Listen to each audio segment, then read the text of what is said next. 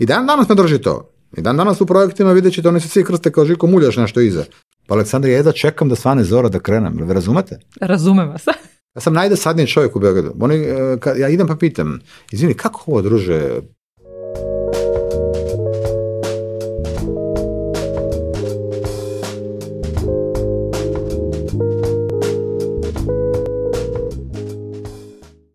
Dobrodošli u Fusnota podcast. Ja sam Aleksandra Petrovski, vaš vodič kroz radoznali svet multipotencijalista. Mecena Fusnota podcasta je zanatski pečena pražioničar kafa, koja te vodi u avanturu aroma i jedinstvenog ukusa. A novi Amiko podcasta je Culke, globalni provajder inovativnih usluga. Hvala im za ovaj vetar u leđa, a hvala i vama koji ste do sada već podržali Fusnotu kroz PayPal jednokratne donacije. Kako to možete da učinite i dalje, saznajte u opisu ove epizode.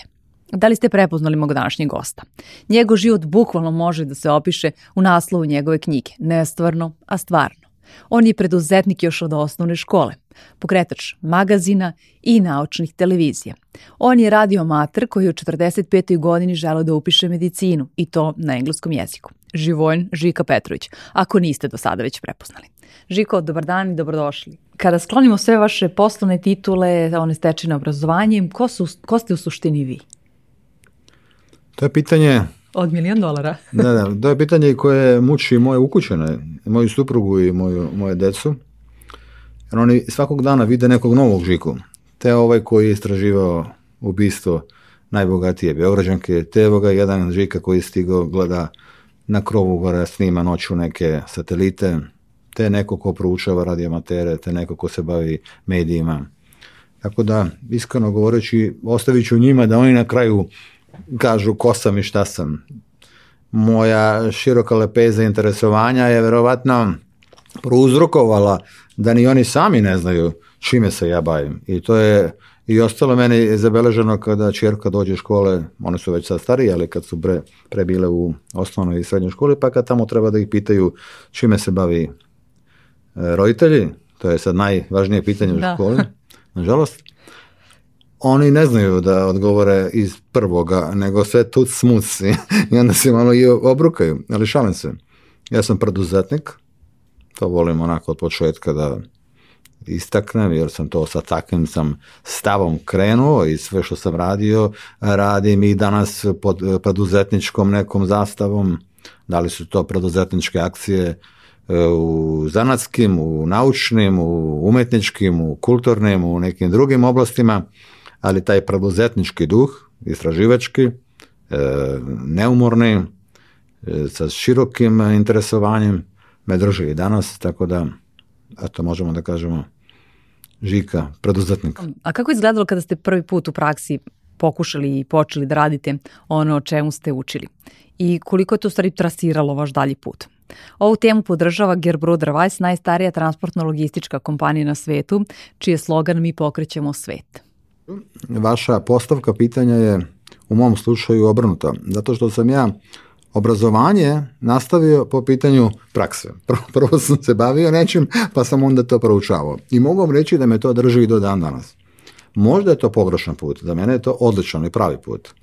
Zato što m, mm, prvo, mada tada smo imali i uslove da u osnovnoj školi vi kroz sekcije e, pipnete, dodirnete, razne sekcije je bilo, od likovnih, umetničkih, vajarskih, eh, tehničkih, foto, kino, pravili smo avione, brodove, elektronikom se bavili, radiomateri smo bili u osnovnoj školi i onda u tim sekcijama pipnete nešto, osetite kroz prste. Taj trenutak dodira vas, to je klica koja vas zarazi u tom nekom, da li je to zanatu, umetnost, da li je to neka nauka ili nebitno. E to je onaj trenutak kada ja krećem da kroz to diranje, kroz pipkanje tražim e, rešenje u čitanju. Znači nisam čitao pa sam otišao da ajde da probam ono što sam pročitao, nego sam prvo pipnuo pa sam se zainteresovao da čitam, ako hoćemo ovako malo da karikiramo. Tako da Na sreću, kažem, da sam imao priliku da u osnovnoj školi, u osnovnoj školi kada sam odrastao, kada smo u mojoj generaciji bile, imali taj trenutak da ja sam se zaradio sa elektronikom. I bio je jedan sjajan učitelj vlada koji je bio i radio amater e, i koji je na času opšte tehničkog obrazovanja, skraćeno OTO, pokazivao nama razne elektronike, razne stvarčice, lemili smo, pravili smo e, i taj šesti, sedmi i osmi razred, ne mogu sad da se tačno setim e, ovaj, trenutka, je bio odlučujući moment kada sam ja zavoleo to i krenuo kući da petljam, kvarim, pa da popravljam, pa tako iz tog se izrodilo i dalje da ja proučavam, volim nau, i naučim oko elektronike, naravno te neke osnovne stvari, kasnije malo neke možda i, i jače, krupnije i da me posle put odvede na sasvim neka druga, na druga mesta. E, između ostalog, e, u toj, kada ste vi bili srednja škola, e, vas je put odveo u Nemačku, a, a odatle ste e, se vratili kao DJ.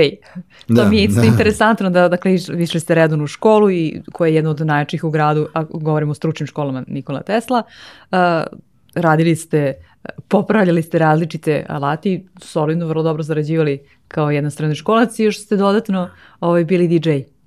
E, imao sam e, stvarno sreću, pored toga što sam pomenuo da sam u školi imao sekciju osnovnoj, ali i na kraju osnovne škole da upoznam Radeta, mog drugara, starijeg od mene, koji je bio još veći zaluđenik za elektroniku od, od mene. I taj trenutak kad sam sklopio i ovamo malo neko znanje iz te škole i upoznavanje e, sa Radetom, mene je dovelo do toga da sam ja preko noći zavoleo da popravljam, da servisiram, da ne zbog novca u tom trenutku, već zbog tog nekog unutrašnjeg e, zadovoljstva da nešto uradim, da nešto popravim, da nešto e, ispravim.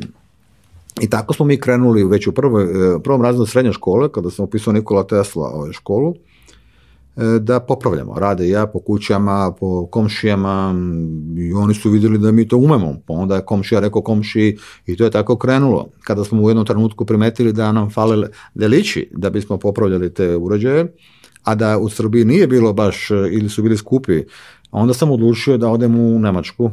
Nisam imao, tad sam imao, de, dao se dečiji pasoš, sive boje bio, to sad ne postoji. I ja sam mojim roditeljima rekao, pokojem Tozi mami da ja hoću da idem u Nemačku i da ako oni mogu da pitaju Miloša, jednog caranika, našeg prijatelja iz Kraljeva, pokojnog, da, nam, da mi pozove 5000 maraka. Mama je odmah legla na krevet, stavila obloge na, na čelo, to za rakicu jednu drmno, pa ajde ponovo da vidimo šta ti pričaš, kaka 5000 maraka, jer oni, oni su radili u ko, komunističku, to je bilo normalno, nisu oni imali i taj eh, odnos eh, I ja sam malo po malo i oni su stvarno ovaj, pristali i pokojni otac je pozajmio od eh, Miloša 5000 maraka. Ja sam otišao sam sa nekim muzičarima. Sećam se, u kombi su me stavili da idem, naši su neki kombi koji ide prema Minhenu i oni su muzičari, idu tamo da rade i onda smo od Beograda do, ovaj, eh, do, do Minhena, oni su pevali, svirali i Imali vežbali. I u jednom momentu njihov taj CD gde su puštali ili radio, ne mogu setim sad šta je bilo, kasetofon tada, u, u tom kombiju se pokvario. Dok smo vozili, ja sam ga popravljao i popravio i o, to je bilo veselje ogromno. I to je bio trenutak da su oni mene umesto 5 dana da ostanem u Minhenu, ostavili 10 kod njih, da sedim sa njima u toj sobi, da su oni spavali i da su radili u toj kafani. I tih 5000 maraka sam uložio u, u, u tu elektroniku kupio sam instrumente, sećam se neke deliće koje su nam bili najpotrebniji i video jedan muzički uređaj. To je bio moj neverovatan doživljaj da ja u Minhenu, na čuvena Schiller štrase ulica, jedan muzički uređaj, pionir sa ogromnim zvučnicima. Ja sam već ukapirao da ako bih to doveo, ako do, doneo u, u Jugoslaviju, da bih mogao da pravim žurke, jer tada su žurke bile popularne, imali smo kasetofone, ali je to bilo onako slabije. Sam zvuk, da. A ovo bi bilo ludilo. I ja sam odvojio para od tih i kupio taj uređaj bez ikakvog pitanja, naravno da nije bilo ni telefona tada, tako da vi možete, na svoju ruku i poslao ga na ime i prezime, znao sam tog Miloša Ilića iz Kraljeva, carnika našeg, i ja na njegovo ime pošaljem, bez pitanja. To je bio show živi. Kad je to stiglo, nikome nisam rekao, na carnika, stiže na carinu. Naravno, on je posle platio i carinu za mene i sve to. I taj uređaj je meni koristio posle stvarno, malte ne svakog vikenda, a kasnije zamislite, i zvali su mi na Zlatibor, sećam se, na Taru, u neke hotele, studentske ili te džačke domove, pa sam ja nosio moju muziku i moje te neke kasete da puštam muziku, tako da i taj DJ e, period je bio vrlo interesantan i plodotvoran. E, kako e, i kako dalje sada nastavimo da, da govorimo o vašoj pa možda životu i karijeri, E, vi ste uvek imali tu žicu e, šta, šta, šta će to biti novo i što tek dolazi. E, na neki način bili ste pomalo ovaj, i vizionali, shvatili ste gde, gde postoje problemi, uslovno rečeno, koji, koji mogu da, da budu ovaj, rešeni. Vaši roditelji jesu fakultetski obrazovni ljudi bili, ali kao što kažete, radili su u nekom sistemu i tako dalje. Otkud vama generalno ta žica? Pa, mislim da je sklop genetski 50% utiče na to i kod mene. Otac je bio inženjer mašinski, vrlo spretan u radionici, prenao je na mene znanje e, masu tih zanata. I dan danas ja se bavim i metalostrugarskim, i mašinskim, i drv, drvnom, i, umem, i imam alata za sve skoro zanate, stvarno, od zavarivanja do, da ne prešem elektronike i elektrotehnike. Tu sam možda od njega povukao. A sa majčine strane, ta želja za učenjem, ona je bila lekarka, želja za učenjem i želja za saznanjem kroz knjige, kroz neke informacije koje nisu bile moguće da se pipnu. Pošto u Srbiji, gde mi, znate, i dan danas nemamo te laboratorije i, nažalost, ili na sreću, naši naučnici moraju više teoretski da se bave i proučavanjem nego, nego da imaju mogućnosti, što imaju mogućnosti da pipnu te uređaje. Tako da taj trenutak, sklop toga i naravno imao sam ujaka, dva ujaka značajna, jedan od njih je profesor pokojni, svi su nažalost pokojni, e, imao sam pet ujaka i majka moja bila šesta, njih je bilo velika porodica, svi su bili fakultetski obrazovani, ali dva ujaka su bila vrlo značajna, jedan je fizičar, vrlo interesantan fizičar bio, a i drugi je nuklearni fizičar, Branko Lalović pokojni, koji je, pored toga što je voleo nuklearnu fiziku i bio prvi pionir u solarnoj tehnologije i sećam se od malih nogu kad god me je video on mi je davo neke džiđabiđe, neke elektronike, nešto pokušavao da mi kaže, da mi pokaže, ja sam te sve to sakupljao, to su verovatno crtice koje ostaju tada i prišali smo, e, i dan danas sećam se tih njegovih e, tema oko poboljšanja elektroenergetske situacije i na svetu i tada u Jugoslaviji, kroz alternativne, on je prvi borac za alternativne vidove energije, sve su to mozaik kockice koje sklapaju, bar kod mene u mom slučaju, i naravno ta nadogradnja, drugi 50%, ta nadogradnja svakodnevna, to unapređenje, to širenje znanja, interesovanja i to se tako polako gradi. I u tom smislu sam možda, možda mogao ponekad da vidim šta će to biti interesantno i šta će to biti zanimljivo i za rad i za proučavanje, a i za biznes. Da. A s druge strane, imate e, i hrabrost da istupite e, i to je e, uglavnom nešto što vi ste sad spomenuli i ljude koji su vaša porodica i šira, ali odakle dolazi to? Da dakle, kao, aha, ok, ja sam vario nešto i učio sam nešto u, u praksi, prvo da eksperimentišete, to je možda prvi korak zapravo da... Da, da nije, to je drugi korak. Da. Prvi korak je ono čime se najviše bavim i što najviše volim i to je najjeftinija zanimacija. Umovanje. To vam je najjeftinije. Razmišljam, razmišljam. Ja nemam toliko sredstava i mogućnosti da probam da li može to da bude tako. Nemam uslova u Srbiji, nemam, mislim. E onda imam, ali imam mogućnost da razmišljam o tome. I onda smišljam, razmišljam, gledam, kombinujem, pravim neke planove u glavi, kockice slažem, I onda ako se ta slika pokaže, idemo u to. Znači, ne, znači to, je, to je preporuka moja. Mnogi kreću, ajde probamo, pa ćemo da vidimo. Nemoj da probamo, čeče. Daj prvo da razmislimo. Jer je to najjeftinije razmisliti. Najjeftinije razmišljati. Umovati, eto, igre. A onda kad dođe onoga da probamo, moramo već da budemo 50% sigurni da ćemo uspeti. Jer ako idemo na to, ajde probamo, pa ćemo da vidimo. A nema, gubimo vreme, energiju, trud, gubimo resurse, gubimo sredstva. Tako da, obrnuto je umovanje, pa eksperiment. A kako ste pristupili, da li ste zapravo isto tako pristupili a, i kada ste otvorili a potom ste postali po marketingu, ovaj, te prodavnice ste postali vrlo popularni kada ste otvorili radnje tehnike u, u Beogradu. I to u vrlo e, nezgodno vreme da postavimo. I Moram vam reći da i servis koji smo imali rada ja, Top Technics se zvao, bio je vrlo interesantan. Servis je imao 2 metra sa, sa 2,5 metra u podrumu bez prozora. Ali naš marketing, naš pristup, naš ljudski odnos prema, prema komšijama, prema, prema mušterijama je bio neverovatan. Daću vam samo jedan primjer. Ja sam uh, sa Radetom po celu noć radio, to znao ceo komšiluk na Vidikovcu, po celu noć. To mi ni, ja nisu mogli da odvoje od, od, od toga. Otac ujutro krenu u šest na posao, on, on se krsti i uđe, kaže, ljudi moji, pa spavajte malo. Mi i dalje nešto petljamo. Moja škola Nikola Tesla trpi, svakako, ja kastim u škole, opravdavam, e, pokušavam da na neki način te, te i dan danas neke predmete ne razumem, jer nisam upisao da bih učio filozofiju marksizma. Ja sam tada tog trenutka želeo elektroniku, ali to nije bilo moguće. Snalazimo se, ali majka ostaje u penziji i ona je kod kuće mi smo u podrumu dole ispod i ja ostavljam 10 televizora sa ceduljicama majci da ona, kad dođu ljudi, pošto mi prepodne ne radimo, jedini su žike rade, spavali do, do dva i radili popodne samo, to je jedini servis bio. Majka ostaje prepodne i ona izdaje te televizore. I ja dan kad sam došao iz škola, ona kaže, Žiko, sedi malo, ja kažem, da. Dete, grešiš, kaže, ja nisam, kaže, ona stručnjak, Pazite, ja imam 17 godina, 16 godina, ne mogu sad setim. Ja nisam sručnjak, kaže, za biznis, ja sam lekarka. Ali ovo što ti radiš, ja ne, ne vidim da je to, ima svrhe neke. Pa ja ne znam šta je, da mama šta je bilo. Pa kaže, ovo jutros, na primjer, si mi ostavio, došlo 10 ljudi, uzeli su te televizore, a svima si napisao na onom televizoru, Pera Perić, ne treba ništa da plati. Pera Janković ne treba ništa da plati. Pa kaže, ništa niko nije platio, a ti si se mož. I ja ukapiram da ona Međutim, taj naš, ta naša vrsta posla je bila uh, u tom trenutku, ako nešto malo gubi kontakt, to mi zovemo hladan lem i to zalemimo, šta sad ja da naplaćujem čoveku jedan hladan lem, mislim, razumete?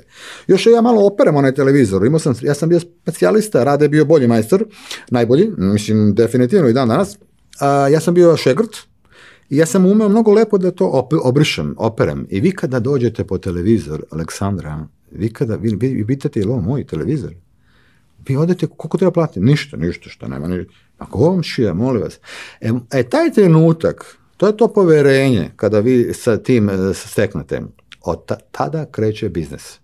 On to priča ženi, žena priča komšnici, komšija priča komši, one donose, zatrpavaju nas. U jednom momentu naša fotografija u tom servisu je da 50 televizora, video rekodera oko nas, mi ne možemo da vidimo. To je biznis, to je ludilo, poverenje.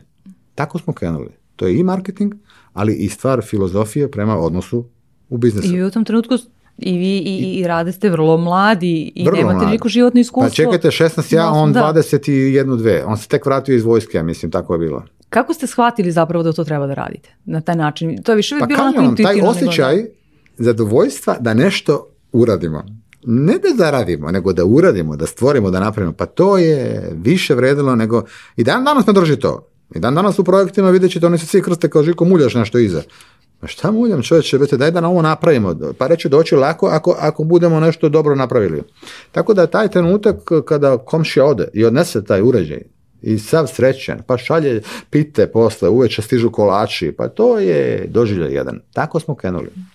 I onda, kada sam ukapirao da me ne drži e, stolica samo u tome, četiri godine sam bio u tom servisu, Onda sam 80, 90. godine, kada je Ante Marković, jedan političar, odobrio da se u Jugoslaviji otvore privatna preduzeća, ja sam onda, a video sam tokom tog servisa, da mogu da uspešno prodam jer je komšepera pitao, je li ima neko da proda ovaj moj televizor? Kažem, čekajte, ostavite, pa ako dođe ovaj. I ja sam dobro tu ovaj, koordinirao u tim e, akcijama, ukapirao sam da meni ide od ruke prodaja i onda sam 90. krenuo u prodajnu firmu registrovao za prodaju tehničke robe. I tad kreće revolucija 90. godina i mogu reći od 90. do 2000. je period bio vrlo i težak u Srbiji i Jugoslaviji zbog svih ostalih problema sa kojima smo se suočili, ali meni je bio vrlo značajan jer sam tada napravio velike pomake u toj trgovačkoj, ali to su sve bile trgovačko obrazovne e, usluge koje smo mi radili. Učili smo narod kako da, da, da, da koriste tehniku. Posle smo imali školu za računare za strane jezike, za elektroniku, za imali smo eh, prodavnice računara, to se sve znači doza edukacije i trgovine. Tako da je ta deset godina bilo vrlo interesantnih u mom životu i najplodotvornijih po pitanju biznisa. I opet ste tu, vi tu vrlo mladi, a s druge strane nema i toliko mnogo uh, knjiga koji, s kojih možete da, da učite kako da sve to poslujete i slično. Da. Ali ste vi zato napisali posle knjigu. Da, ali imao sam, imao sam e, tu ovaj predispoziciju da sam još od 90. kada je krenulo biznes, ja sam išao pitao. Ja sam najdosadniji čovjek u Beogradu. Oni, e, kad, ja idem pa pitam, izvini, kako ovo druže, pod moje stare drugare, kolege, dan danas su mnogi u biznesu, uh, ne pita možda neka direktno kada je sramota, ali okolo priđem pa ispita, mene to nije nikakav, e, što kažu, mladi blam ili šta znam, ne, ja sam učio, pitao, išao, gledao, družio se sa njima, smišljao, gledao gde oni greše, pa onda nisam to koristio, nego druge načine. I za tih 10 godina, od 90 do 2000, ponavljam, mogu vam nabrojati pet inovacija sa kojima sam e, revolucionarno kod sebe, u sebe i za sebe odradio po pitanju biznesa. To su možda mali koraci za za Srbiju i Jugoslaviju, ali za mene su bili značajni. Znači, to znanje sam upijao i kroz mentorstvo. Imao sam puno mentora. Mnogi privrednici danas koji su, koji su u vrhu privrede Srbije i bili, su moji poznanici, prijatelji, ja od njih učim i danas i gledam i tako dalje. Jer najbolje je da učite od najboljeg, to je... Mm skraćenica. I meni je bilo interesantno, nisam tada htela da vas prekidam, zato što ste rekli, ok, Rade je bio odličan majstor, ja sam šegrt i malo ljudi zapravo hoće, Ne da. Pogotovo javno, hoću to da kažem. Ja ne, nisam ne, no, najbolji kaki, u tome. Molim vas. Ovi, i, I okej okay sam sa tim da budem šegrt. Da. Ma kako, pa znate šta znači biti radite u šegrt? Molim vas. Pa to je, to je, to je, to je. Danas ne, ne znam da vam opišem koja je to. I to je teško razumeti, zato što vi morate da znate gde ste i na kojoj ste poziciji. I vi ako osetite trenutak, ako se ponašate tren, e, za trunku jače, šire ili krupnije nego što jeste, vi idete nizbrdo. Nažalost, takvih je puno slučajeva. Ja ne. Ja cenim to i poštujem i dan danas. E, pa ja sam sluga. Ja sam sluga i ja sam nekim pitali kao, ja sam prosjak visokog stalaža u ovim projektima koje mi radimo, molim vas Aleksandra, ja sam prosjak visokog stalaža. Zato što taj trenutak kada vi trebate nekog da, da nagovorite, da vam se priključi u projektu koji u prvom e, mahu ne vidite biznis, ne vidite pare, to je problem. Da. A projekat je društveno važan, koristan i značajan. Pričam za sad neke da. kasnije projekte. Ovo u prošlo vremenu su bili manje takvi, mada je bilo akcija. Mi smo radio materi, znate, poznati još od 99. i pre 99. kad, je, kad smo uskakali kao, kao veliki požrtovani ljudi u smislu da pomognemo narodu kada su neke akcije bile, radiomateri su čudo od ljudi i tako da i to je jedna dokaz da mi želimo prvo da pomognemo, a posle da naplatimo. Da. I to mi da, da, ja sam vas, da kažem, odnosno za vas čula, hajde da kažem, i, i imali smo ovaj, jedan kontakt tada 2014. godine kada su bile one uh, jezive poplave, ovde u Srbiji kada ste a, vi nekako istupili dosta i vi i vaše kolege druge a, ovaj, radiomateri. A, e, I to mi je interesantno, to je na neki način da, kao vi, ovaj, sve se vi kažu kao, jer uglavnom danas je jedno od vrlo važnih nekako pitanja, a, ovaj, kao kako ja sad da naplatim svoj hobi? to je nešto da, ako što... ako to kažete, vi ste propali, odmah.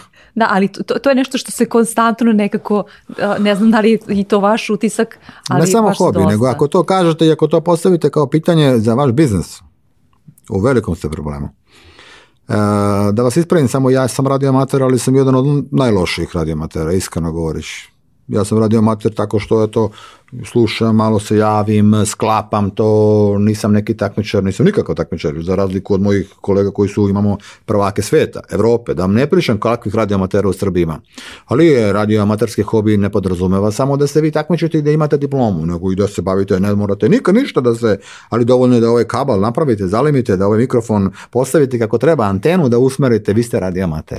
E, to sam ja radio amater, ja volim te hobi, volim elektroniku, volim Milis Kalaja, tako da 2014. godine koju ste pomenuli i da su radio amateri moje kolege pokazali značajna dostignuća i, i moć i uopšte kvalitet da je se angažuju u nekim trenucima, je najvažnije istaći da su oni to radili. Ja sam samo bio koordinator tih njihovih e, aktivnosti na terenu.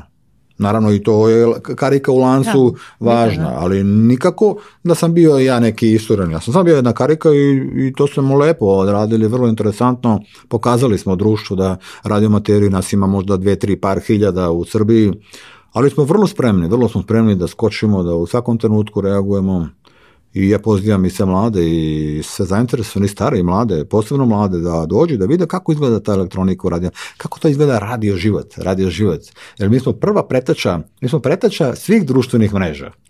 Sve ovo što vi sad koristite, to je sve, mi smo to radili pre 50 godina. Zapravo, da, sada je jedan od glavnih hit društvenih mreža ona koja se komunicira, Clubhouse koji se komunicira upravo glasom i taj glas se nigde ne zadržava, odnosno ta komunikacija ne ostaje snimljena nikako, tako da jeste, radio materijal da, da, način. Da, definitivno, jer mi smo, pazite, naš suštinski hobi isodi se na to da mi upoznamo nekog novog radiomatera na svetu, negde daleko.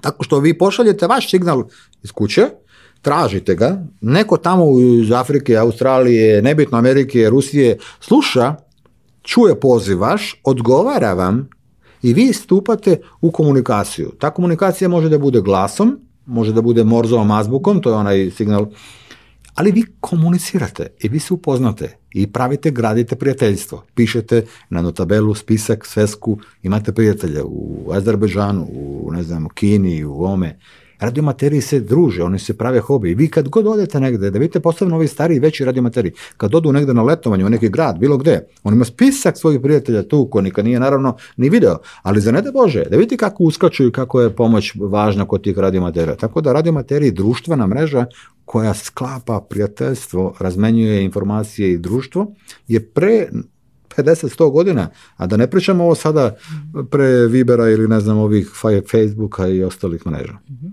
E, vratit ću se samo na, na vašu e, izdavačku i preduzetničku e, e, delatnost. Iz te strane ste, kada sam vas pitala, aha, u mnogim stvarima ste bili e, neko koji je prvi e, započinjao e, i još uvek se prepričava vaš e, slogan e, koji ste imali za, e, za prodavnicu, a opet s druge strane i, i mobilni magazin i tako dalje. Kako ste uplivavali u sve te poduhvate?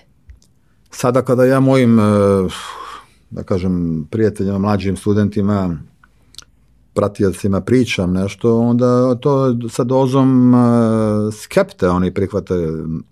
Znate, teško je razumeti da teško je razumeti da e, da na primer smo mi Pa evo sad, e, pomenuli ste časopis Mobilni magazin, ali imamo i drugih, e, mi smo 2002. godine, na treću, pokrenuli časopis e-magazin, e-magazin za ekonomiju, biznis, ali putem, putem e, interneta, 2002. godina. Niko nema internet. A mi pričamo o biznisu na internetu. Držimo kurseve, predavanja, pričamo, pa to su lepe tekstovi, da vidite kako je sve pisao za nas u, te, u tom e-magazinu. I taj e-magazin, zamislite, je imao personalizovanu naslovnu stranu. Šta to znači? Evo to i dan danas vi ne možete da vidite. Vi ste pretplatnik na uh, e-magazin i puno smo imali tih firmi koje su preplaćeni direktori, bilo hiljade i hiljade. I mi smo svakog meseca slali njima, ali za sve njih smo radili posebnu naslovnu stranu samo za vas, koja glasi, Draga Aleksandra, u ovom broju znamo da vodite, ne znam, to i to. Evo, posvetili smo vam, vama se obraćamo. Milošu, dragi Miloše, Marku, dragi Marko.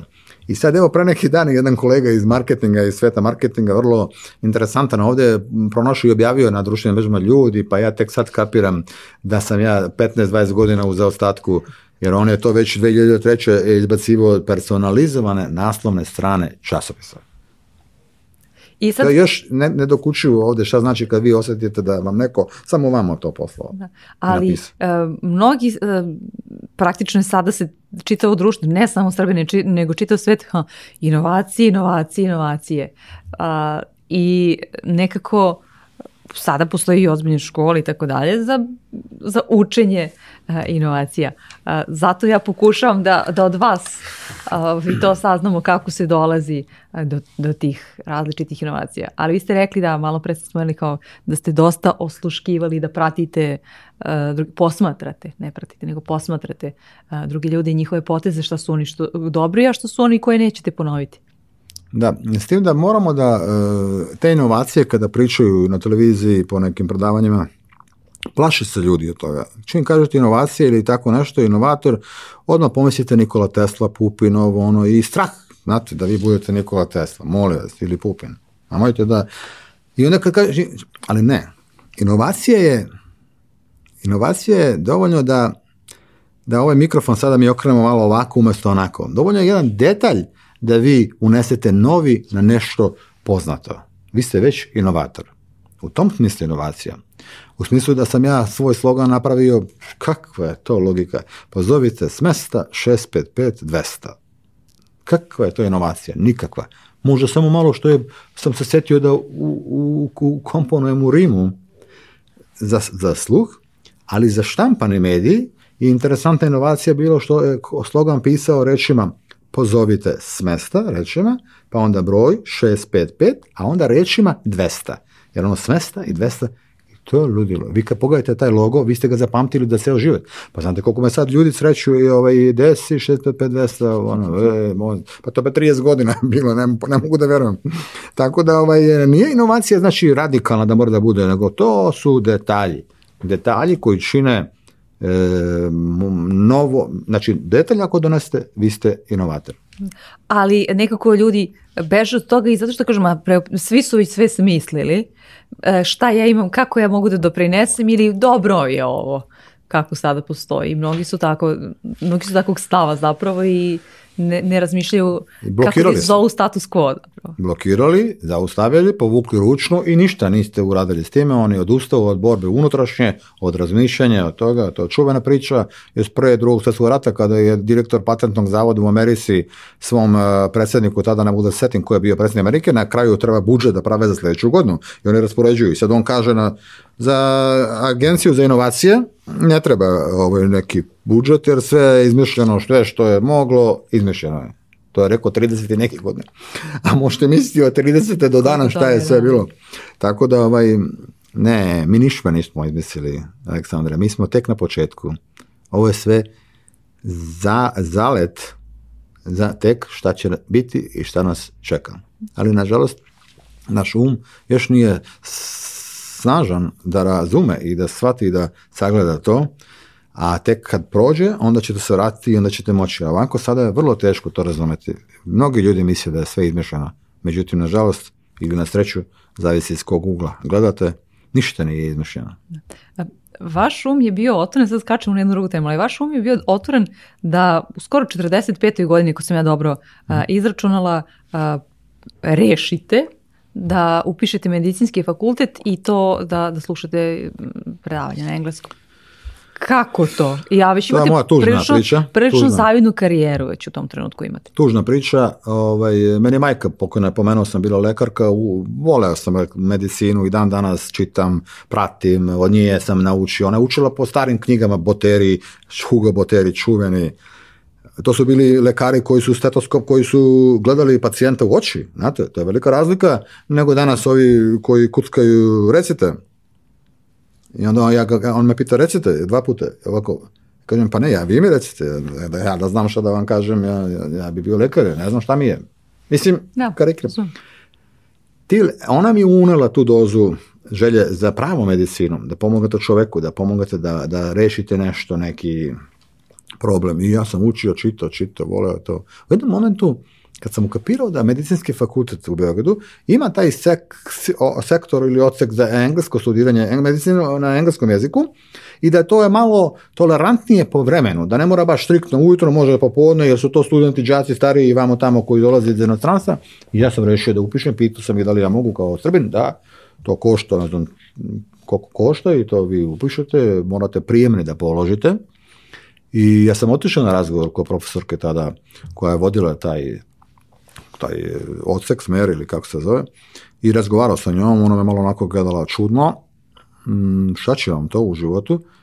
Pa ja kažem, eto, volim da probam, mislim, ja bih volio da učim, ne znam, ne treba mi, nemam ja sad neku, e, sad ja hoću da otvorim privatno to, pa ću ja da učim, pa ajde, probam da učim, možda ne ide, možda ide kaže ona, ovaj, e, morate ispit polagati prijemni, imate hemiju i biologiju, šta se već uči, ja uzmem i pripremim ceo ispit prijemni, uplatim tamo sve one papirologiju, spremim, predam i kad sam došao na prijemni ispit, oni me vrate. Top, kaže, vi ne možete.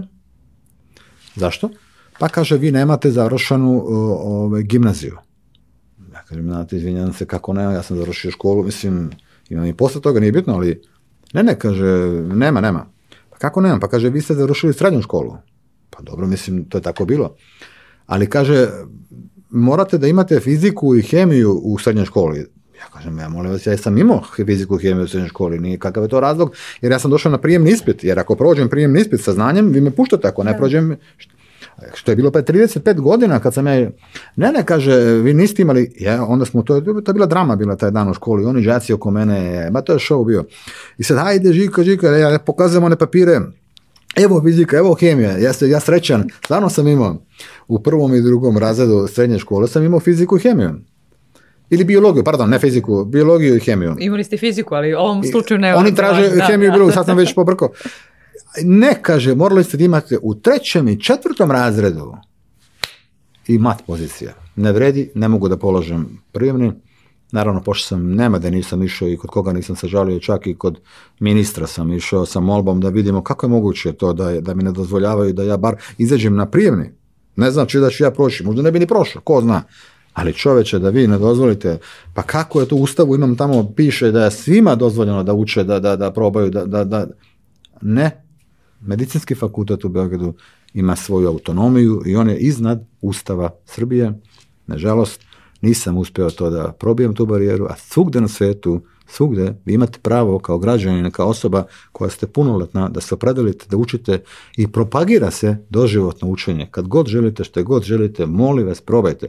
To nema nikakve veze ako ste vi 40 godina ili 45 godina ili kakve veze ima. Kakve to veze ima? Ako vi možete da savladate tu materiju da. Razočaran sam bio oko toga i mogu vam reći da sam tada sa jednim ekipom, da li to bila B92 ili ne znam neka televizija bila, dogovorili se da, a tak, da, tih dana, septembar, moja čerka kreće u srednju školu, u gimnaziju. I ja sam došao do odluku da ja upišem gimnaziju. I da idem četiri godine u gimnaziju, pa da se javim na fakultet, to je paradigma, to je, pro, to je, to je da oboramo i da taj, taj, taj, taj, taj jedan zaostali način razmišljanja, međutim, nisam uspio, odustao sam, pošto su me neke druge obaveze preokupirale, ali Eto, to je tužna priča. Da, a baš ste mi, kada smo prethodno razgovarali, pripremajući se za ovaj razgovor, rekli kao da, da postoje u svetu odlični primjeri nekoga ko ima e, iskustvo i znanje iz elektrotehnike, a ko je kasnije i sjajan. Vrhunski heruzi su, da. sadašnjih vrhunskih heruzi su bili elektrotehničari završili fakultet za elektrotehniku, nema veze sa medicinom, posle 20 godina upisao medicinu i napravio haos, revoluciju u medicini. Tako da to nema nikakve veze, znate, nema nikakve veze što ovaj, vi, pa ja bih čak predložio, ali to sad možda ovako izgleda radikalno, da se posle srednje škole i posle gimnazije svakog zabrani upis na fakultet. Pauza dve godine, molim vas. Pauza dve godine. Da se vidi će radite nešto, nećete, gde ćete, jer 90% ovi koji su upisali, možda sam sada grub, ali 80, 90, je upisalo iz inercije. Da. Iz inercije. Idemo dalje, da bi kući sam, tu sam, mama, tata, idemo, ja sam student, šta studiraš? Pa studiram to. A šta to? Pričao sam, spisak ima za upis na student, ja pogledam spisak, on, želje, ona, pet fakulteta, nema ni jedan veze sa drugim, nego to je onako nabacano po nekom šta će proći Pa znači on je upisao to bez ves, ajde, samo da se kaže da je student. Nema toga ništa. Niti njega će biti neki stručnjaka, niti će država da ima neke velike koristi od takvog studenta, niti će porodica da bude srećna. Sve će to biti nekako u sredini. Ako želimo da idemo gore, mora drugačije da se to postavi. S druge strane, da, u Srbiji e, taj koncept nije poznat, ali posebno u Americi, kao, ha, uzet ću godinu dana da razmislim ili da proputem kada završi se srednja škola. Tako, o, o, ovde je to čak nepoželjno vrlo. Ne, ali čekajte, zašto će nam sad, ne razumijem polako, šta vi želite da radite, to je pojenta. Da. To je pitanje. Da, ali kaže, da, kod pa nas ne, ne postoji taj, nije, nije odobren taj kod, i onda se desi vrlo često da se zapravo izgubi nekoliko godina u tome. Ovaj... Pa šta, šta, šta, godina dve, šta znači, da. ne razumijem ali vi morate sebe da nađete. Da li ste vi za to ili niste za to? Pa nemoj da džabe idete da učite nešto što, znate, najgora rečenica koju čujem, to sam poslednjih isto mesec dana nekoliko puta skrenuo ljudima, ovako mi kaže, ja sutra moram na posao. Da. Katastrofa. Gospodine, oce, iselite se. Nema, to, to, to, to je, gube svi.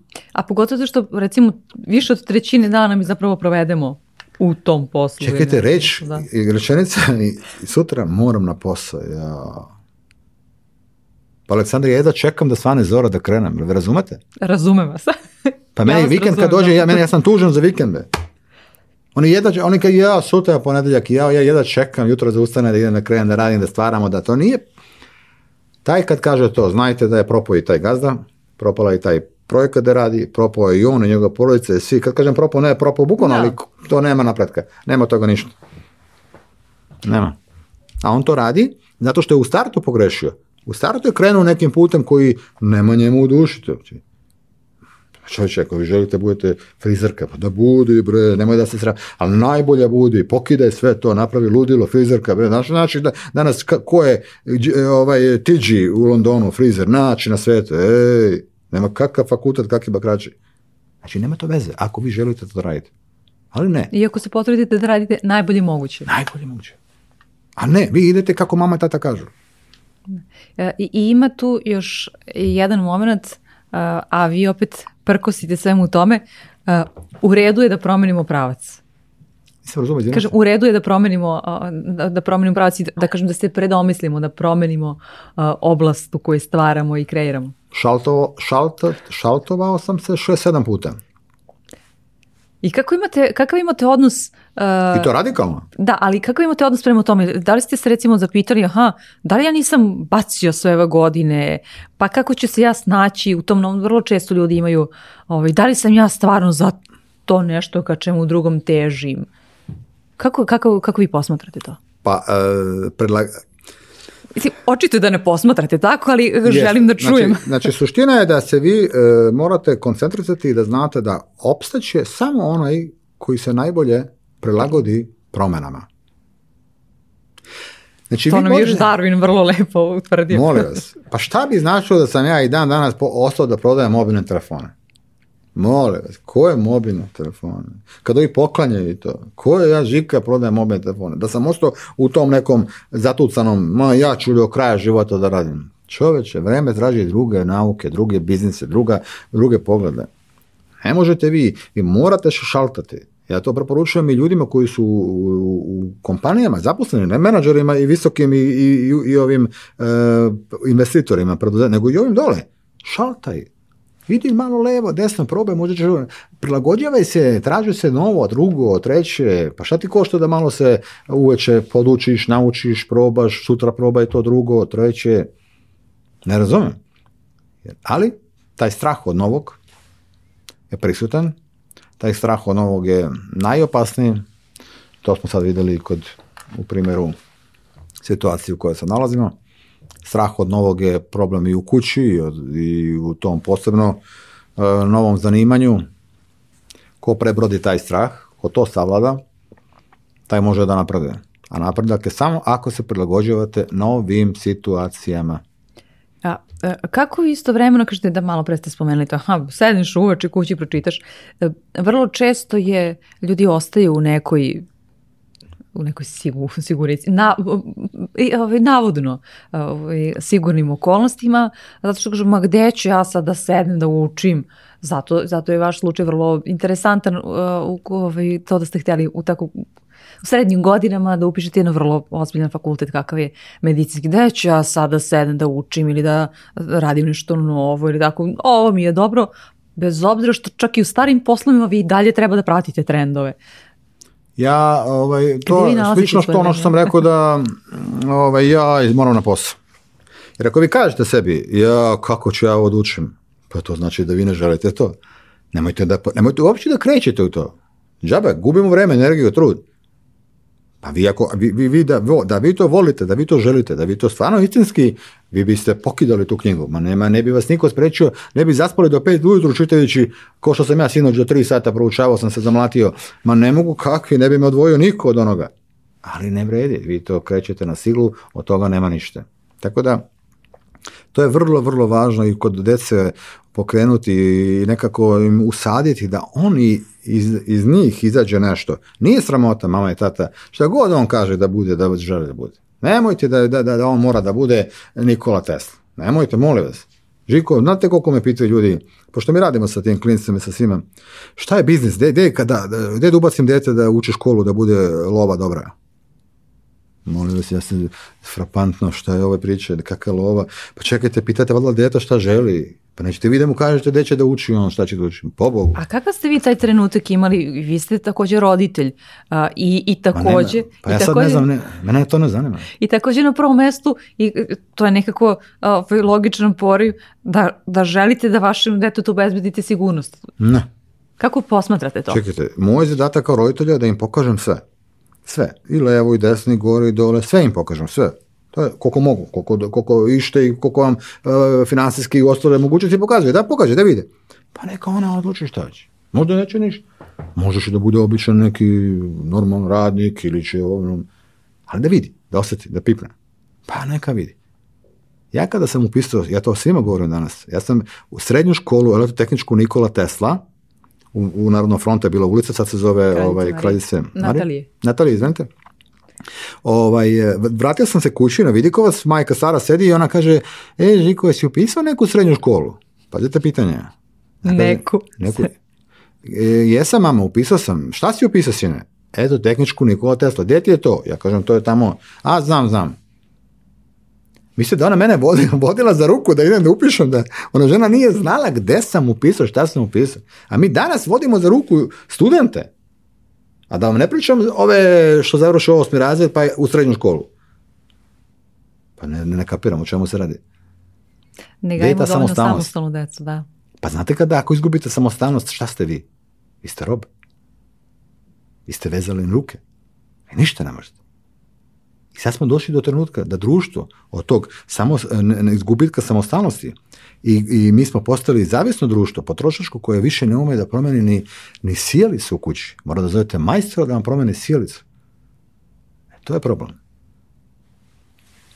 Ja sam bio od uvek, zahvaljujući roditeljima, moram priznati, jer da su me oni sputavali, ko zna kako bi ja to i šta bi bilo. Ali oni su me pustili, držali me na oku, ali me pustili. Zato sam i uspeo i napravio te, mislim uspeo, to je ružno reći ovako, sa šta si uspeo, koji je, evo, ali sebi unutra, ovaj, napravio pomake i u biznisu i u projektima i u raznim akcijama i, i u, gde god sam nešto pokušao da uradim i radio, to sam stvarno želeo da uradim najbolje i pokazalo se stvarno da je interesantno.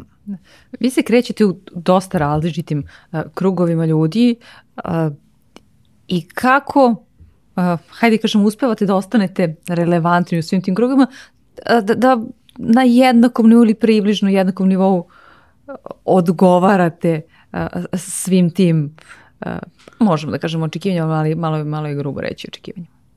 E, vrlo je važno da i u biznesu i u razmišljanju i u vašem da bi da bi zdrav razum, vrlo je važno da se krećete i družite sa raznim ljudima i društvenim slojevima i uopšte e, po svim nivoima i starijem, i mlađim i jačim i slabijim, mislim i onako i ovako i sve je važno da imate višok pa znate sad, velike biznis kompanije imaju u svom upravnom odboru e, razne ljude koji su ovaj klinac, ovaj stari, ovaj penzioner, ovaj iz Šrilanke, ovaj iz Amerike, ovaj iz Rusije i onda oni pričaju o nekom problemu da slušaju iz raznih sekcija, iz raznih grupa, iz raznih, to je vrlo važno jer tada učite, tada sagledavate i gde grešite ili kako je drugi neki nešto razumeo, onda odete kući i onda imate neku bolju viziju, možete lakše da dođete do neke Pod slike. Pod da imate otvoren um, da sve to Vrlo bitno, da. vrlo bitno da. taj otvoren um i taj trening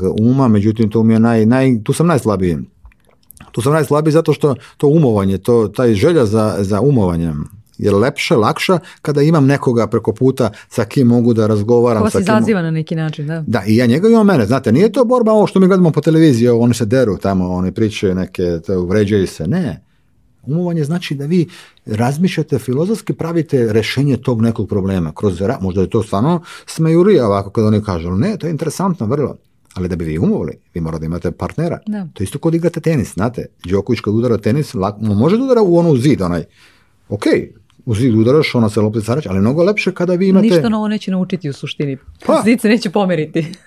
I ostaće uvijek iste tvrdođe skoro. Nije da neće, ali jako neće tako kao napredi. kada bi imao nekoga komu parira, komu i onda vi to bavite se pronalaskom nekih rešenja teoretskim. I to je to najlepše što postoji na svetu, filozofiranje. Ali to je ovde, znate, isto kao što smo rekli, o, inovator, Nikola Tesla. Ne, filozofiranje ne znači da vi nešto ružno radite ili ne To je najvrednija... Da, gubite, da. da.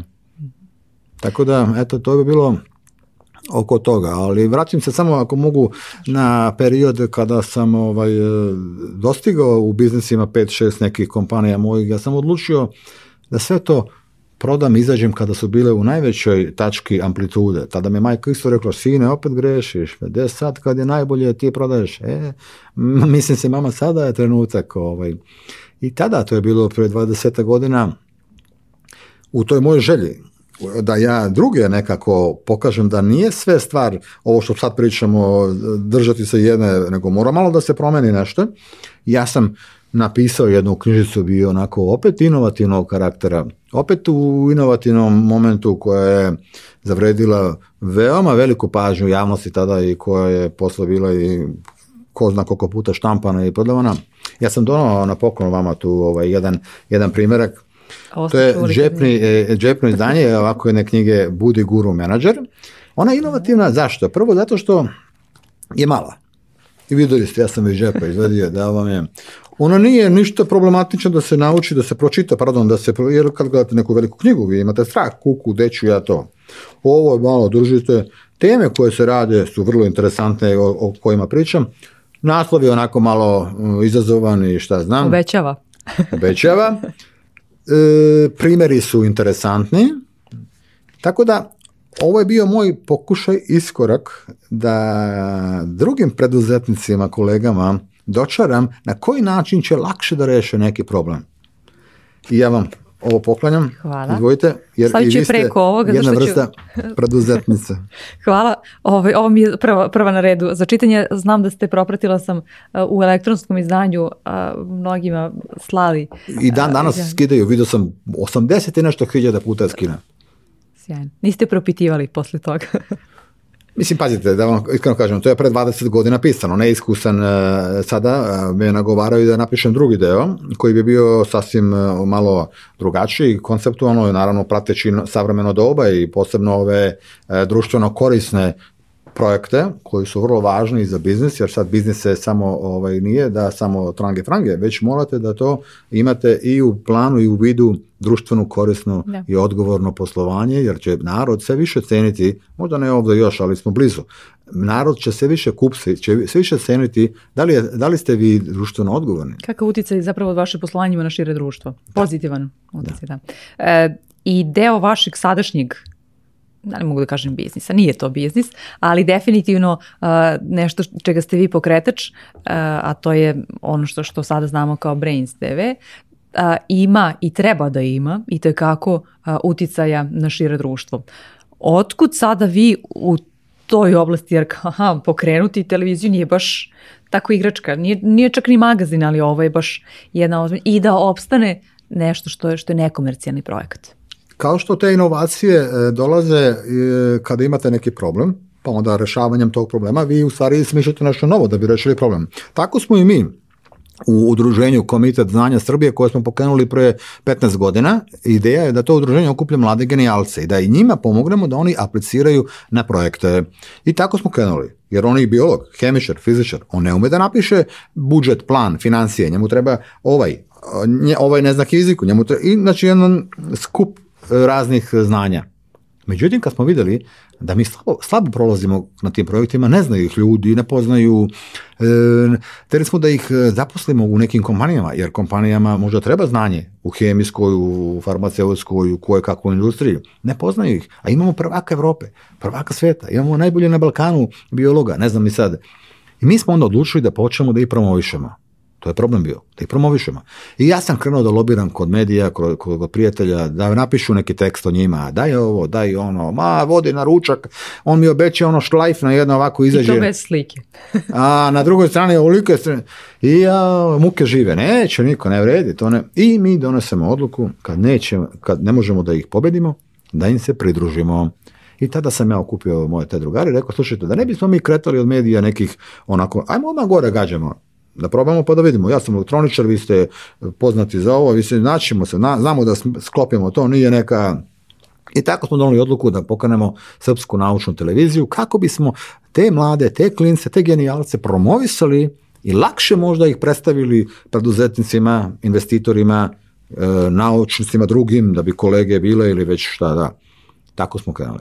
Znači, problem je izrodio inovaciju, I dan danas ta televizija, zamislite, koja se zove Brains, uz pomoć United Grupe smo nastavili da radimo i da se širimo. I dalje je jedina televizija u Srbiji od 350 dozvola, jedina je koja ima dozvolu za naučno-obrazovni program, specializovana. Zamislite vi to koliko smo mi bili inovatori da i dan danas nema, evo već 10-15 da. godina. Ja molim ljude, ja bi, ona kaže, Žiko, ja da se plaći konkurencije. Pa ja živim za dan da imam konkurenciju, da država Srbija ima deset takvih televizija, da, da to bude na vredi. A, a, da li se plašite konkurencije, mada ste opet specifični a, e, u jednoj drugoj oblasti kao, kao pisac, a, mada ste i malo pre mi rekli da nekako ne doživljavate sebe da je to vam je nekako usputno i hobi, isto da imate sjajni tiraže. Um, većinu stvari koje pokraćam i radim, radim iz e, hobija, iz želje da to urodim, ne razmišljajući o tome da će, ne razmišljajući, ne praveći biznis plan i računicu koliko će to ovaj, nikad to nisam uradio, tako nisam ni za knjige uradio, to sam za svoju dušu izraživao godinama, godinama sakupljao priče, Laguna je to premetila, ja sam to ovaj, osetio da je trenutak što da ne, kad već imam spremljeno, kad već radim, kad već to mi je popodne, lepo, I napravili smo jednu knjigu, drugu, treću, ovih dana treba da izađe i četvrta, sve se lepo prodaju, ja sam presrećan što se tiče da narod voli, želi da malo drugačije nešto, nešto pročita, ne samo neke I o njima se priča, što je, što je bitno. Da. pa sve su, da, sve su istinite priče, sve su zanimljive, sve su iz naše istorije, i našeg događaja, sve su potkrepljene sa dokumentima i papirima iz arhiva, iz sudskih, tužilačkih spisa, policijskih. Tako da kad pročitate, vi ste onda sigurno da to bilo. Jer sada danas više čitajući ljudi teško mogu da razumeju da li ovo bilo ili nije bilo. Više ne znamo ni sami. Mada mnogo, da, mnogo toga ima što je inspirisano istinitim događajima. Apsolutno i to je po meni naj onako, mene to vuče i opčinjava. I... A, e, recite mi, a kako sad i nalazite i vremena za to? Ok, rekli ste da vas nešto povuči, da, se, da, da, vas, da vam ne da mira da spavate a, e, do do 3 sata ujutru da ostajete i kao mlađi, a i sada ovaj, nekada po celu noć i tako dalje. Ja i dalje ne znam kako vi to sve uspevate. E, pa kažem, to je sad teško pisati i dati formulu, zato što bi to onda bilo Za mnogi stvari ste dali formulu. Tek inovativno bi bilo kad bi postavila taj ključ, ali jedan jedini savet, ključ ili formula je da vi u sebi ono što želite, da nije sramota, što god to želite, krenete da za svoju dušu proučavate, čitate. Znate šta bih ja, ja, ja, ja mnogo osjeća, uh, osjećanja sam osetio, primetio i pipnuo, ali jedno nikada nisam i to bih volio da vidim. Ja ne znam kako to izgleda kada neko kaže jao što mi je dosadno. Ja stvarno isto ne znam kako, kako, kako izgleda taj trenutak. Ne, stvarno kad pogledam, kako to znači do, dosadno, jao dosadno me. Da li on sada Ne razumem, ja ne mogu uopšte da, pa čekaj, očisti ovo ovde, nešto, kakav je to u glavi, ali sam primetio da puno njih to govori, posebno mlađi. A to je pogubno, znate. Ja ne kapiram kako ćemo mi onda sutra od njega napraviti i prosečnog radnika, kamoli ne radnika, nego, da kažem, Građanina. jedinku. Ali kamoli nekog mm, rukovodioca, lidera ili dosadno mi. A pa pa kako Bajana. recimo eto postičete, ok, vaše čerke su sada već malo, malo starije od toga, ali kako postičete recimo i na, na ličnom ovaj, vašem primeru i, i generalno mlade sa kojima se susrećete, mada su to uglavnom ti mladi koji ne govore te rečenice. Pa, tu i tamo. Ovaj, e, ja pokušavam da i kroz razne, u sad smo, na primjer, pratili smo, jurili smo lava nekog u Budvi, pa sam onda e, kroz neke priče kroz neke, morate ih zainteresujete malo, znate, da, da, da to je trenutak jedan, pa onda gledamo satelite, pa ja to ne, ne tražim od njih da ja, oni gledaju, nego ja vam prođem pa kažem, jo, pao satelit, oni svi koji gde pa onda, znate, malo je, teško je, znate, društvo je ovaj, jako, magnet je krupan, jak, to privlači, vi treba se izborite da, da u tom društvu, kada svi kuckaju i, šta kuckate, oni, nam pojma šta kuckate, gledate neke prođe dan, prođe 2 3 sata, 5 sati i na onom telefonu sreće pa imate na telefonu sada da pogledate koliko je vremena. vremena da, da, samo pogledajte 4 5 6 sati, 7.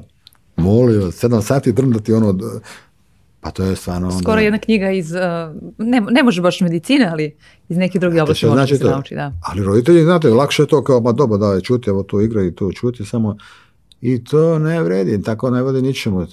Morate imati mogućnost da ih zainteresujete Bilo šta, bilo kako, na bilo koji način, a onda ide pustite. Jer ne možete vi, izvinite, ne možete vi na silu da terate nekoga da on, ako nije za to, ali bar da probate. Da. A gde ste naučili da budete tako dobar uh, pripovedač uh, ko se crta uh, animator? Jer definitivno je da vi umete da uh, čak i neke jednostavne priče iz života na vrlo zanimljiv način prenesete i da animirate ljude, da ih uvučete u svoju uh, veliku energiju koju imate. E, kada nešto radite sa ljubavlju, sa voljom, sa željom, kada vi nešto stvarno želite da proučite i kada ste vi u, kada ste, kada ste vi u tome 100%, pa onda naravno da ta energija ide drugačije nego kad je neko naučio na pamet nešto što ovaj, e, treba da kaže i da to nema ništa tako. Nema ništa, to, to može da vidjeti i kod ovih političara i kod nekih drugih i levo i desno, a kad on veruje iznutra, Kada on dubinski zna šta radi i hoće to da radi, to je sasvim druga priča. Naravno, sa znanjem, potkovan znanjem, potkovan kreativnošću, potkovan e, čitanjem i ta, to sam malo pre teo da vam kažem, ja dosta stvarno proučavam, gledam, čitam, interesujem se i imam osjećaj, imam osjećaj da trčim šprint, ali verujte mi, ja stojim u mestu. Toliko, to je vaš subjektivni osjećaj, da? Toliko to ide napred. To, toliko tom brzinom se krećemo, društvo, nauka, e, uopšte napredak, da ja smatram da ja stojim u mestu. Ja. Možete misliti onda, Aleksandra, onaj čovek koji ništa nije već dva, tri meseca, pet meseci iz svoje branše, ne, da ne kažem iz neke druge, ništa nije e, novo ono što pogodo pročita, gde je on? Da li imate osjećaj, e, to je, čak postoji da kažem i, i sindrom, um, strah od propuštanja. Da li, vas, da li vam je to nešto što je pozitivno i što vas pokreće upravo ovo što ste rekli ili ima neki moment da vas koči zapravo, da vam, da vam ne da mi da vam, da vam nije prijatno u tome? Veći strah imam, mada sam ga savladao, od lošeg informisanja nego od propuštanja. Od infodemije u kojoj da. smo sada to, To, to, to, to, to, to, to je vrlo, vrlo, vrlo, vrlo problem veliki. I sada će biti trenutak, već će, već će postoje da postoje menadžeri koje učimo ih kako da nađu informaciju. Jer sad vi vidite u kafani, svi sedimo u restoranu, kafiću, je, daj vi, čekaj sad ću da vidim. Gde će da vidiš? Pa da pitam ovde Google, on kaže koliko, pa čekaj, čeće da vidimo, gde si ti to pročitao? Koji je izvor toga? Ko je to napisao? I tako kreću priče da kruže. E, si vidio, pustio sam ti na Viber ono, pogledaj šta je rekao onaj. Koji je onaj čovječ? Pa ne, on je rekao, pa ko je on? Razumete me, de, de, de, da okrenuli smo priču, da. tu je problem. To je najveći problem trenutno u koji se društvo nalazi. To je najveći problem. I to smo primetili sada i to je povuka ove pandemije. O, to, to je povuka pandemije. Problem pronalaska informacija. Svi smo e, specijalisti za pronalazak informacija. Klik, imamo je. A niko neće se udubi gde pročite tu da. informaciju. Ko je to napisao? Da li je izvor adekvatan? Ko je taj što je napisao? Čekajte. Pa kaže Žiko, on je Nobelovac. A čekajte gospodine, ko je Nobelovac, iz, iz čega je Nobelovac? Pa Nobelovac je iz, ne znam, e, pa kakve onda on veze ima sa ovim što priče? Onako Nobelovac u ovoj temi, to ne mora nikakve veze da ima da je on stručnjak u onoj drugoj temi. Idemo korak dalje. Čak ako je Nobelovac u ovoj temi i dobio Nobelovu nagradu za tu temu, a mi pričamo o toj temi, a on, a, a on je već sada ima 70-80 godina. Ne znači da je čovjek relevantan, da. Čekajte, molim vas, pa i svi ljudi, on je čovjek isto koji mi. On koji je Nobelovac, pa i on voli možda, lupam, i da popije, i da se proveseli, da malo krke, krke i šta. Pa ne možemo tako mi suditi i, i ovaj, Morate sa više strana napraviti i onakrsno doći do toga da, da, izađete sa, da izađete sa nekom vešu ili informacijom. Ali to mi ne radimo. I tako smo mi sada krenuli, e, jesi vidio, poslao sam ti na Viber, Ne pada mi na pamet da gledam. E, bez kog znanja ili veštine vi danas ne biste bili ovaj čovjek sa kojim ja sada razgovaram?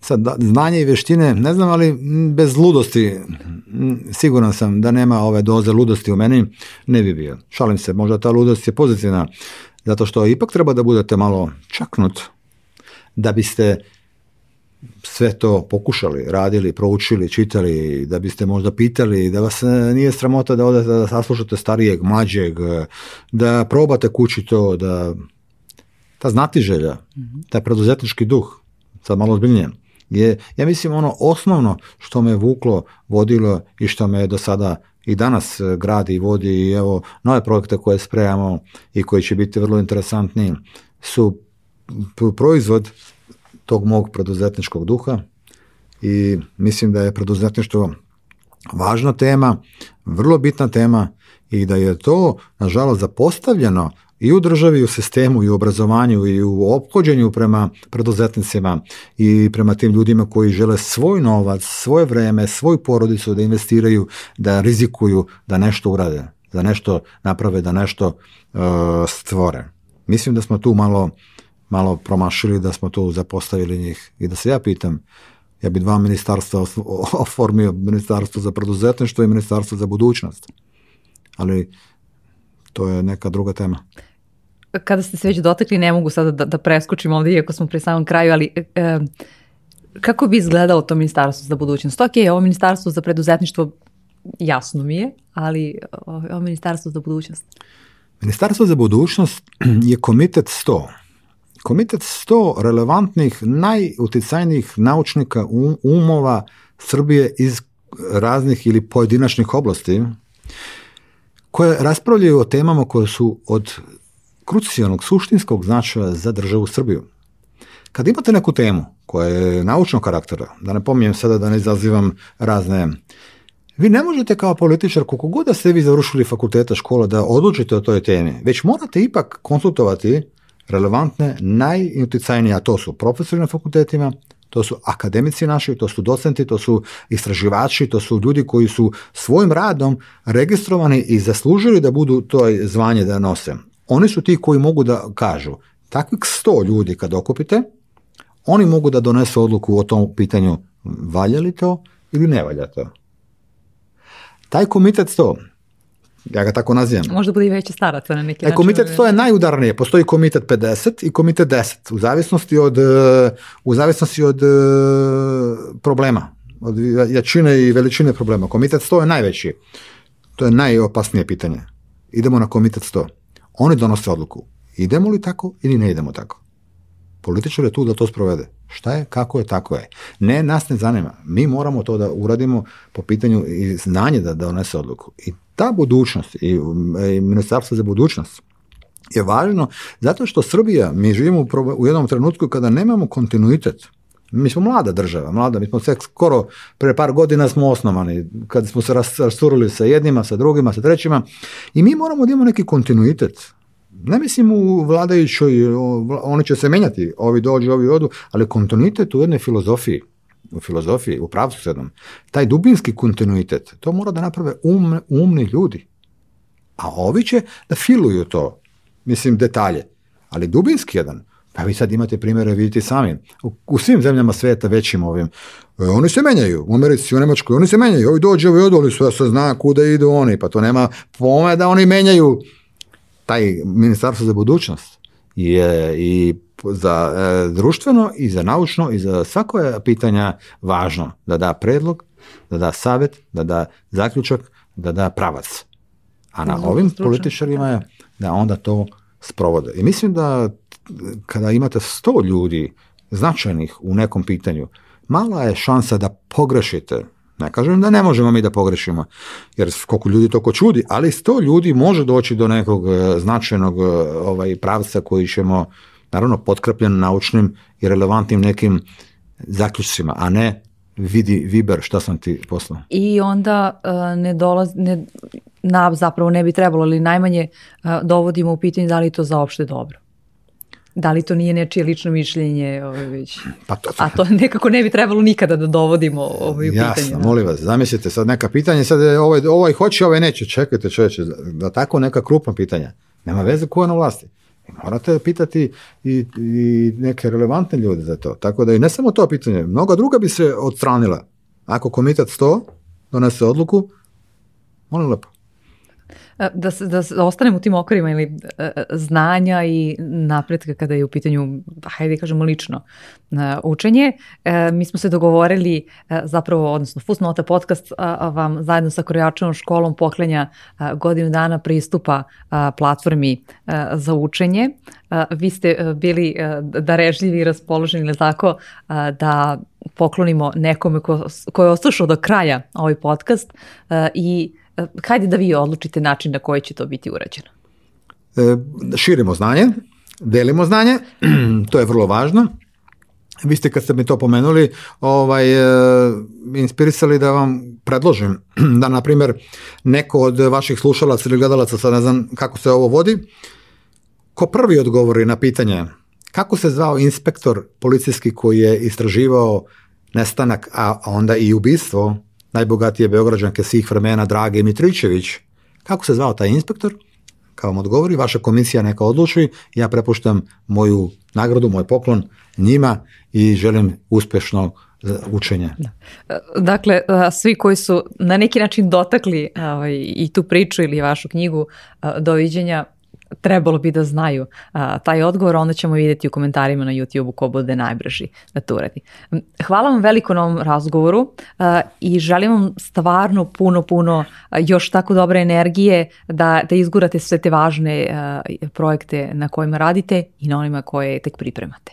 Hvala vama i hvala posebno vašim slušalcima i gledalcima i pratiocima na mrežama, zato što ipak je i danas teško odvojiti određeno vreme da se sasluša, da se vidi, da se pročuje i da se nešto eventualno nauči, a posebno sam srećan ako smo nekog sa ovom emisijom inspirisali da možda nešto novo pokrene, novo proba i da na neki drugi način nešto učine.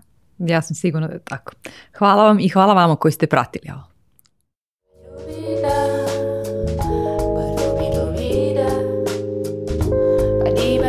Ljubina,